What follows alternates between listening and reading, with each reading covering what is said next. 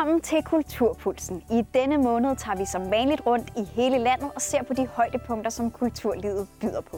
Vi skal blandt andet på jubilæumstur med TV2, til ny udstilling om neandertaler på Moskov Museum, til bogfestival på Christianshavn og besøge Brøndshøj Vandtårn, som lige nu er omdannet til en saftig bikube.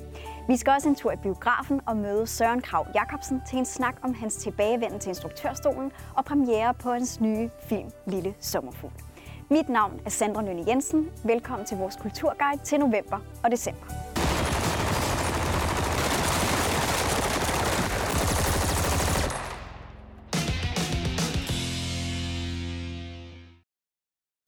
Jeg vil hævne min kone. Har du slået nogen ihjel før? Så lad os bare være stille, inden. Hvis du elskede blinkende lygter og de grønne slagter, så er der god grund til at tage en tur i biografen her i november. For her den 19. for Anders Thomas Jensens nye komedie, Retfærdighedens Rytter, landsdækkende premiere. Hvad der sker for? Ja, det er jo fordi han... I psykolog, ikke? Det må man sige, vi er. Færdig. Anden klasse. Anders Thomas Jensen har både skrevet og instrueret den sjove og rørende fortælling om familie, venskab og hævn. Den udstationerede militærmand Markus må tage hjem til sin teenage-datter Mathilde, da hans kone dør i en tragisk togulykke. Det ligner en tilfældighed, indtil matematiknørden Otto dukker op med sine to ekscentriske kollegaer, Lennart og Emmentaler.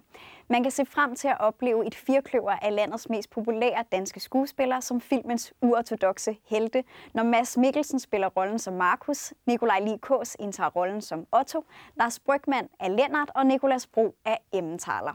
I rollen som Markus datter, Mathilde, ses det unge talent Andrea Haik Gadeberg. Skal vi nu ikke bare få det her overstået som team, så vi kan komme hjem og få banankage? Præcis. Jeg siger bare, hun er død, og hun kommer ikke igen.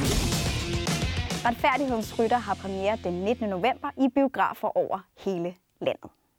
Fra stjernespækket komedie skal vi videre til noget helt andet, nemlig bogfestival på Christianshavn. Flyvende grene viser veje, uanset om der findes træer eller ej, og det er vindstille. På Christianshavns Bogfestival kan du lytte til samtaler og oplæsninger med nogle af tidens førende forfattere og poeter. Christianshavns Bogfestival har eksisteret siden 2004. Den velrenommerede litteraturfestival er i alle årene blevet arrangeret af Christianshavns Bibliotek, men nu har de slået pjalterne sammen med litteratursalongen Nordord, og i denne 2020-udgave afholdes festivalen på Nordatlantens Brygge. Man kan holde sig orienteret om festivalens program og arrangementer på deres Facebook-side Christianshavns Bogfestival 2020 eller hjemmesiden nordatlantens.dk. I øvrigt har han et af mine tryk af en albatros hængende i kædekassen. Men jeg ved ikke, om det betyder noget. Christianshavns Bogfestival 2020 finder sted den 12. til 14. november på Nordatlantens Brygge i København.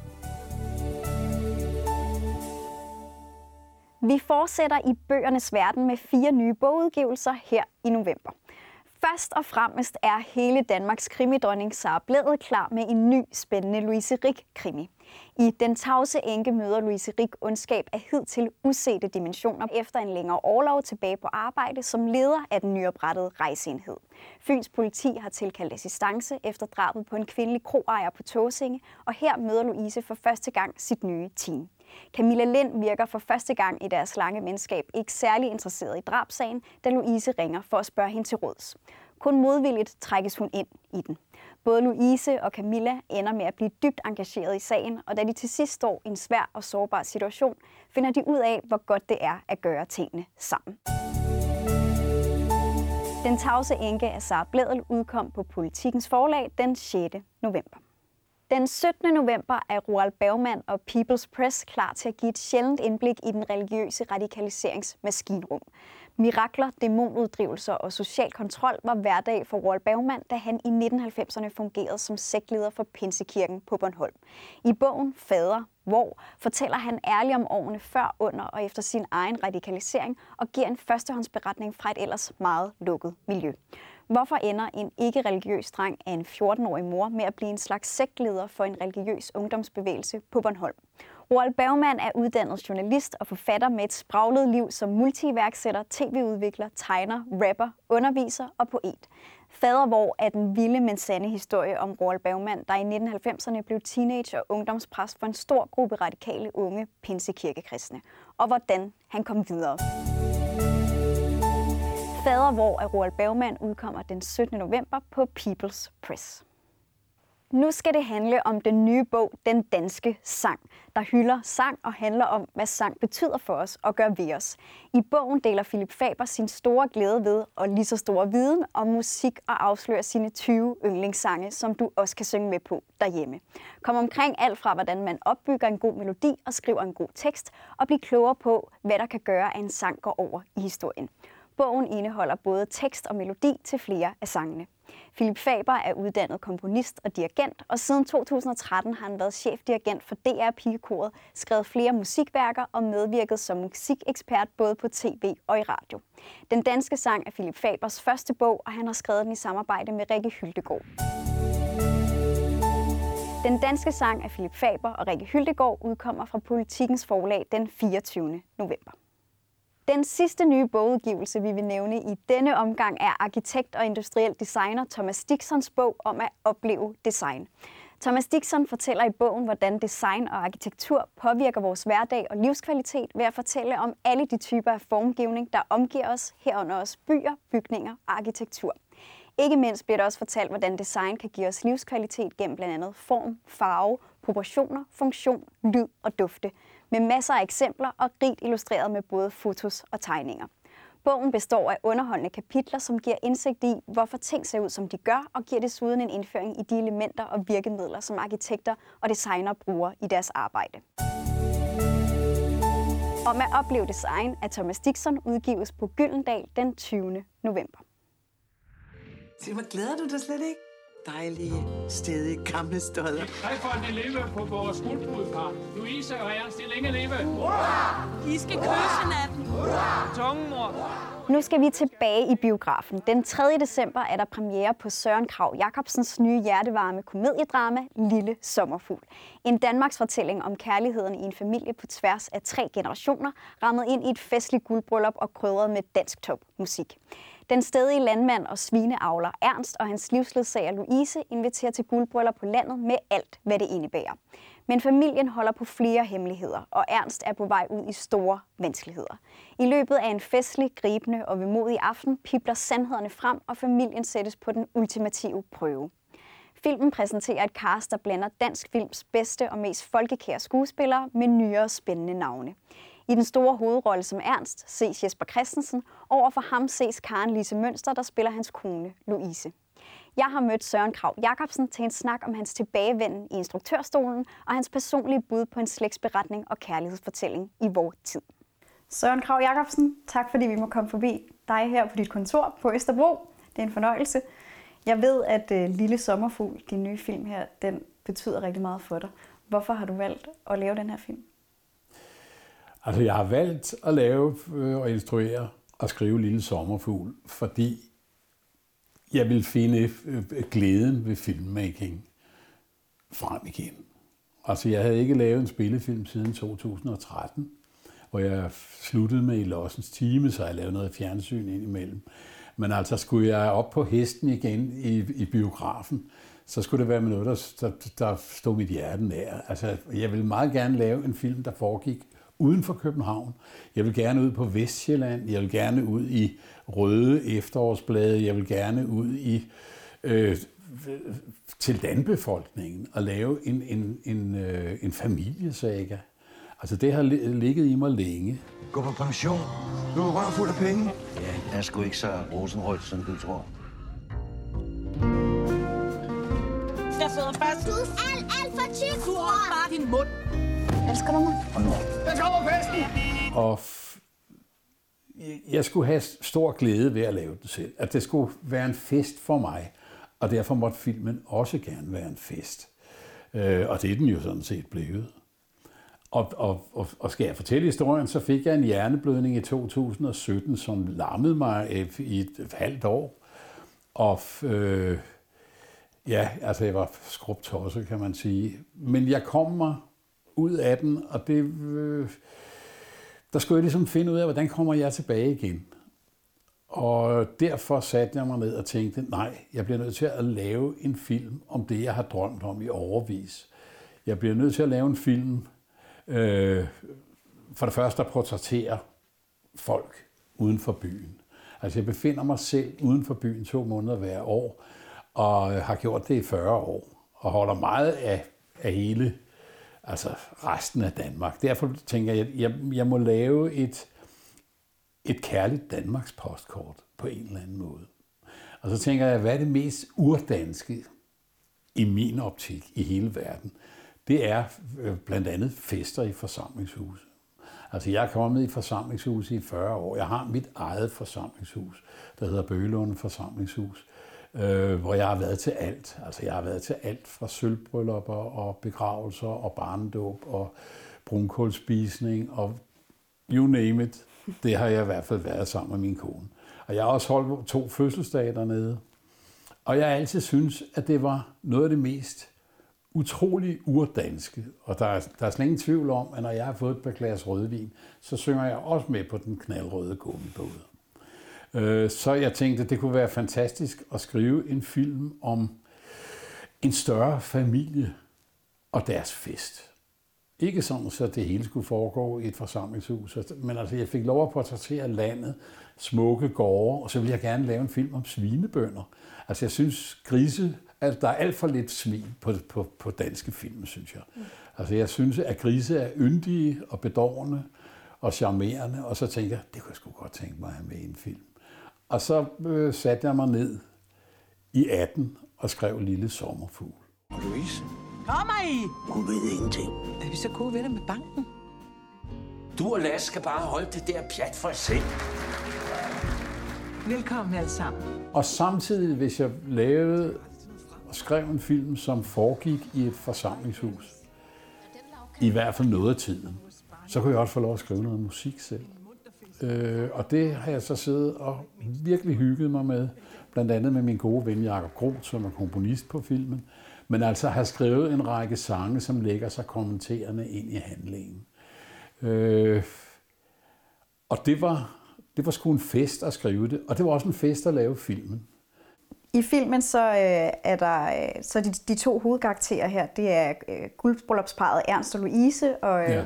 vil du ikke beskrive lidt, hvad det er for nogle karakterer, de to? Jo, altså Ernst i filmens billede af, Christ, af Jesper Christensen er, hvad du vil kalde en stedig svineavler. Altså en flot mand på, i begyndelsen af 70'erne, øh, som også politisk ligger godt til højre for hans kone. Og øh, han har et problem, og det vil jeg ikke komme ind på, hvad er nu, men øh, han er en stedig og på mange måder skøn mand, som måske er i sit livs krise, her hvor vi møder ham. Hans frue, spillet af Karen Lise Mønster, som hedder Louise, hun er københavner, og det er faktisk noget, jeg meget ofte møder ude på landet, altså store, større øh, bøndergård, hvor fruen faktisk er københavner fra starten. Og det er sådan en, der har passet det hele, men måske kommer med en, en, et... Øh, altså i Karen Lises, i Karen Lises rolle, hun kommer måske nok med, en lidt, med lidt mere luft over hovedet, og med lidt større indsigt, og med lidt mere, lidt mere københavner måske på den måde. Lidt mere interesseret i kunst, i, i hvad som helst. Man har altid holdt sammen med det, og egentlig er det et par, som på mange måder som måske har haft deres kriser, men de har i hvert fald haft det godt i rigtig mange år, da vi møder dem. Hvorfor har du ikke sagt noget? Hvad skulle det hjælpe? Fortroligheden. Hvor blev den af? Du holder kæft. Ja, når alderen har gjort sit. Når kræfter og, foretagsomhed svigter. Du er et indebrændt, dumt sted. Ernst, for fanden. Du har jo Louise. Hvorfor skal man tage ind og se Lille Sommerfugl? Jamen, man skal tage ind og se en lille sommerfugl, fordi den er voldsomt underholdende, øh, synes jeg selv, og den er musikalsk, og øh, folk vil sikkert møde sig selv i alle mulige sammenhænge. Øh, og vi kunne genkende øh, nogle af de oplevelser, de selv har haft igennem et langt liv. Så øh, altså, det er jo derfor, jeg har lavet den, og det er derfor, jeg selv nyder at se den, øh, hvad jeg ikke gør med alle de film, jeg har lavet igennem mit liv. Altså, der er ting, du, du holder mere af end andet. Og jeg er sgu ret glad for den her film selv. Hvor, hvor stor en betydning har denne her øh, film for dig i forhold til de tidligere værker, du har skabt? Jamen, den, har, den har en betydning for mig i det øjeblik, at jeg ligesom øh, er kommet op på hesten igen, efter jeg har haft en hjerneblødning i 17. Øh, der troede jeg sådan set, at, øh, at klokken var slået, og det ligesom var slut med det. Men da jeg først ligesom fik ved alle mulige dejlige menneskers hjælp kæmpet mig ud af det her igennem over et lille års tid, så tænkte jeg, det, det er ligesom nu, hvis det skal være. Og hjernen er jo en mærkelig indretning, altså sådan et område i hjernen, du får brændt af, når du får sådan en hjerneblødning. Der søger hjernevindingerne rundt og prøver at finde nye veje. Og det har jeg jo selv oplevet, øh, eftersom togerne, altså hen ad vejen, hvor togerne lettede. Altså hvordan jeg blev mere og mere klar over, at der var sgu ikke sket noget med det kreative. Jeg var måske i virkeligheden blevet bedre til nogle ting. Øh, og det var en meget, det var faktisk en ret interessant rejse at være på der. Så derfor betyder den her film en tilbagevenden til mit professionelle liv og livet i det hele taget. gammel kærlighed, som jeg fejrer her i dag. Det er jo ikke noget, jeg har en stor øvelse i, men øh, det håber jeg, at jeg får. Har hun altså bare, så har hun altså bare halmstrå i sin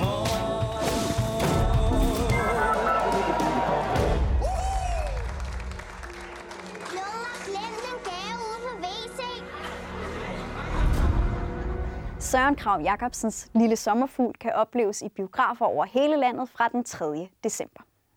Vi skal nu besøge Moskov Museum, hvor de præsenterer en af de helt store verdenshistoriske fortællinger med særudstillingen Neandertaler i Marmodierens land. Udstillingen åbner den 17. november og viser et mere nuanceret syn på neandertalerne end det gængse billede af et primitivt hulemenneske. I udstillingen fortælles historien om neandertalernes liv og tilpasningsevne i en tid med store klimaudfordringer. Og historien om dengang neandertalerne mødte andre menneskeformer som Homo sapiens og det nyopdagede Denisinova-menneske. Og hvilke spor disse møder har sat i vores eget DNA i dag. Man vil også kunne følge neandertalerne i deres uddøen og dykke ned i teorierne om, hvorfor neandertalerne forsvandt og Homo sapiens overlevede. Neandertalerne er vores nærmeste uddøde slægtninge, og de levede i ca. 300.000 år i det, vi i dag kalder Eurasien. Det vil sige fra Portugal i vest til Sibirien i øst og England i nord og øh, Middelhavskysten i syd. Og de uddøde for ca. 40.000 år siden. At de var til stede i, øh, i så lang tid øh, bevidner i sig selv om, at de var yderst veltilpasset deres øh, miljø. Øhm, og øh, det her billede af det her, den her primitive hulemenneske, som vi tit har af neandertalerne, bliver med den nyeste forskning hele tiden udfordret. Og det er også den her menneskeliggørelse, der gør, at, øh, at neandertalerne bliver mere og mere fascinerende for os i dag. I udstillingen kommer vi til at gå i dybden med neandertalerne, og vi kommer til at øh, fokusere på de sidste 120.000 år af neandertalernes øh, levetid, som er en rigtig spændende tid. Det er nemlig en tid, hvor istiden sætter ind, og det bliver sværere og sværere at overleve for neandertalerne. Det er også en periode, hvor de møder andre menneskeformer, der faktisk er til stede på, i Eurasien på det her tidspunkt. Homo sapiens og denisoværende. Og, øh, og det her møder kommer vi til at fortælle om i udstillingen. Vi kommer til at fortælle historien om, øh, hvem de var, øh, hvem de mødte og hvordan de uddøde. Neandertaler i Mammutjærens land åbner den 17. november på Moskov Museum. Nu skal vi til Brøndshøj Vandtårn, hvor det rå betonbyggeri er forvandlet fra tørlagt vandbeholder til en saftig bikube med produktion af sekretet Gel Royal. Gel Royal er en udstilling og sanseoplevelse med bierne som forbillede, som sammenkobler det i dag fredede udtjente vandtårn med natur og biodiversitet. Udstillingen vækker tanker om, hvordan vi mennesker kan opnå eller genetablere en følelse af samhørighed med og omsorg for naturen. Del Royal byder blandt andet på et malet stisystem igennem den 350 kvadratmeter store betonsøjle, der fører ind til en skulptur omgivet af et gigantisk videoinstallation med skuespillerne Rosalinde Mønster og Carla Thurø. Udstilleren, som står bag Del Royale, er billedkunstneren Barbara Amalie Skovmand Thomsen. Hun arbejder med performances og med æstetisk forførende videoer i installationer. Menneskets sameksistens med flora, fauna og mineraler, frugtbarhed, undersøgelser af natur og væren i natur er væsentlige undersøgelsesfelter i Skovmand Thomsens virke.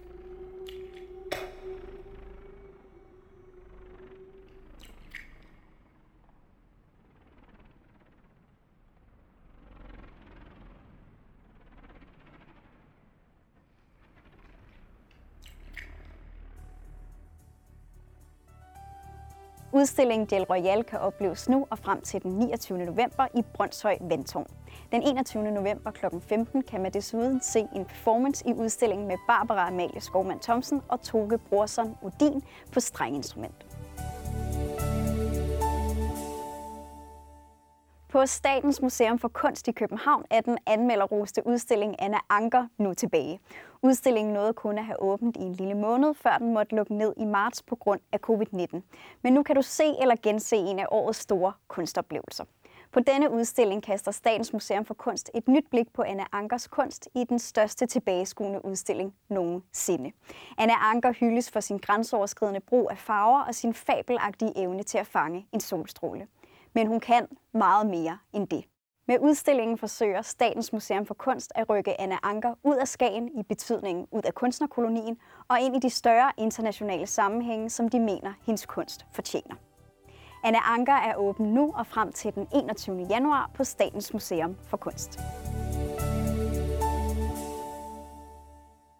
Fra anmelderrost udstilling skal vi nu på akustisk jubilæumstur med TV2. Bandet TV2 runder i 2020 et skarpt hjørne og kan i samme ombæring løfte sløret for en unik og akustisk jubilæumstur. De fejrer deres 40-års jubilæum med en række akustiske koncerter i november og december under hensyn til myndighedernes retningslinjer for sidekoncerter. TV2 vil lægge landet ned og forsøge at finde sig til rette i publikums hjertekugle. Fornyelse er et nøgleord for TV2. Igennem 40 år har de skrevet sange, der spejler den skiftende virkelighed, samfundet, mennesker og den daglige trummerum. Netop derfor dykker TV2 direkte ned i det højaktuelle behov for at stå sammen og finde håb med en akustisk lyd, som fagner med intimitet og nærvær. TV2's akustiske jubilæumstur kan blandt andet opleves i Musikhuset Aarhus den 11. november og kommer blandt andet også forbi Skive, Næstved, Åben Rå og Horsens, inden bandet slutter af i København den 5. og 6. december.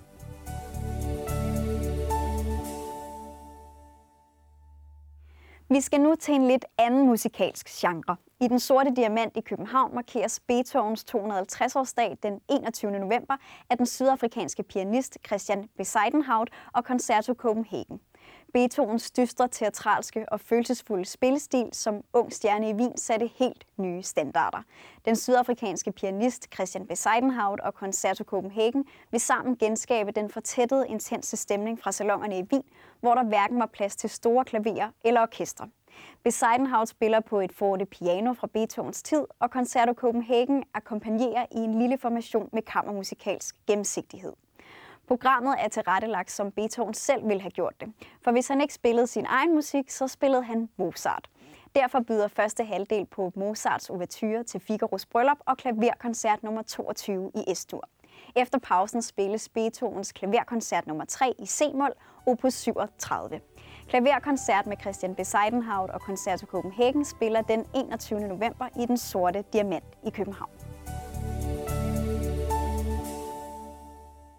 Vi springer videre til flere koncerter. Nu skal vi nemlig til festival på Københavns nye spillested Stairway i Vandløse. Den 20. og 21. november inviterer Stairway til Summer in the City Festival. Sommeren 2020 var ikke en sommer i festivalens tegn, og derfor har Sommer in the City Festival også måttet lade sommeren blive til efterår, før de nu kan præsentere publikum for den store talentmasse, som vækslaget byder på. Summer in the City Festival har gentænkt festivalens præmisser og præsenterer nogle nye artister i intime rammer på spillestedet Stairway. Summer in the City Festival finder sted den 20. til 21. november på Stairway i Vendløse.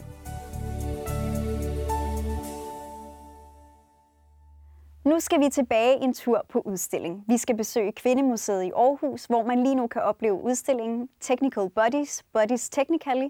Hvad vil det sige at have en krop? At være en krop i en verden, hvor kropslighed manipuleres, reproduceres, medieres og performance. I Technical Bodies, Bodies Technically undersøges det, hvordan nutidens kvindelige kroppe og kroppe uden kønsidentitet gør synlige eller usynlige i verden. Udstillingen er en del af festivalen Pau Aarhus, som arbejder med diversitet og ligestilling inden for kunst- og kulturbranchen. Gennem installations- og videokunst undersøger udstillingen kroppen som en non-normativ, omdannet struktur og kodestørrelse, der frit kan tage form.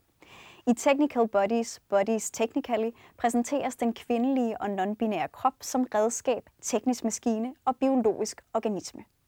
Udstillingen er samtidig en indsigelse mod den skæve kønsfordeling på de danske museer, hvor kun 22 procent af de værker, som museerne har indkøbt de seneste 15 år, er af kvindelige kunstnere. Technical Bodies, Bodies Technically, kan opleves på Kvindemuseet i Aarhus nu og frem til 30. december.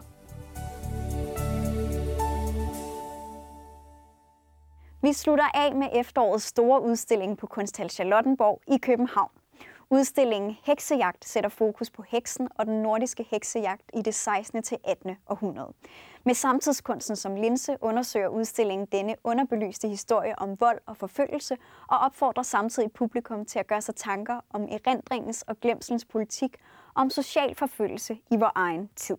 Udstillingen byder blandt andet på flere nye bestillingsarbejder udført af internationalt anerkendte kunstnere, der gennem research og dialog med førende forskere dykker ned i hekseprocessernes mange sociale, kønsbetingede og geopolitiske lag.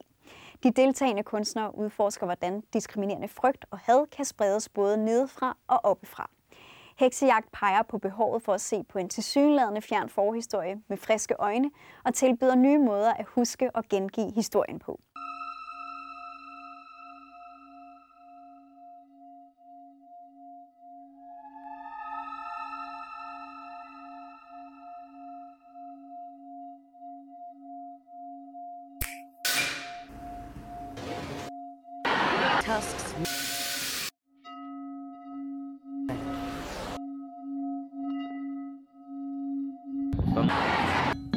Nerve. Heksejagt på Kunsthal Charlottenborg åbnede den 7. november og kan besøges frem til den 17. januar. Det var alt, hvad vi havde på programmet til jer i denne novemberudgave af Kulturpulsen. Se med igen i december, hvor vi endnu en gang er klar med nyheder fra kulturens verden. Vi ses.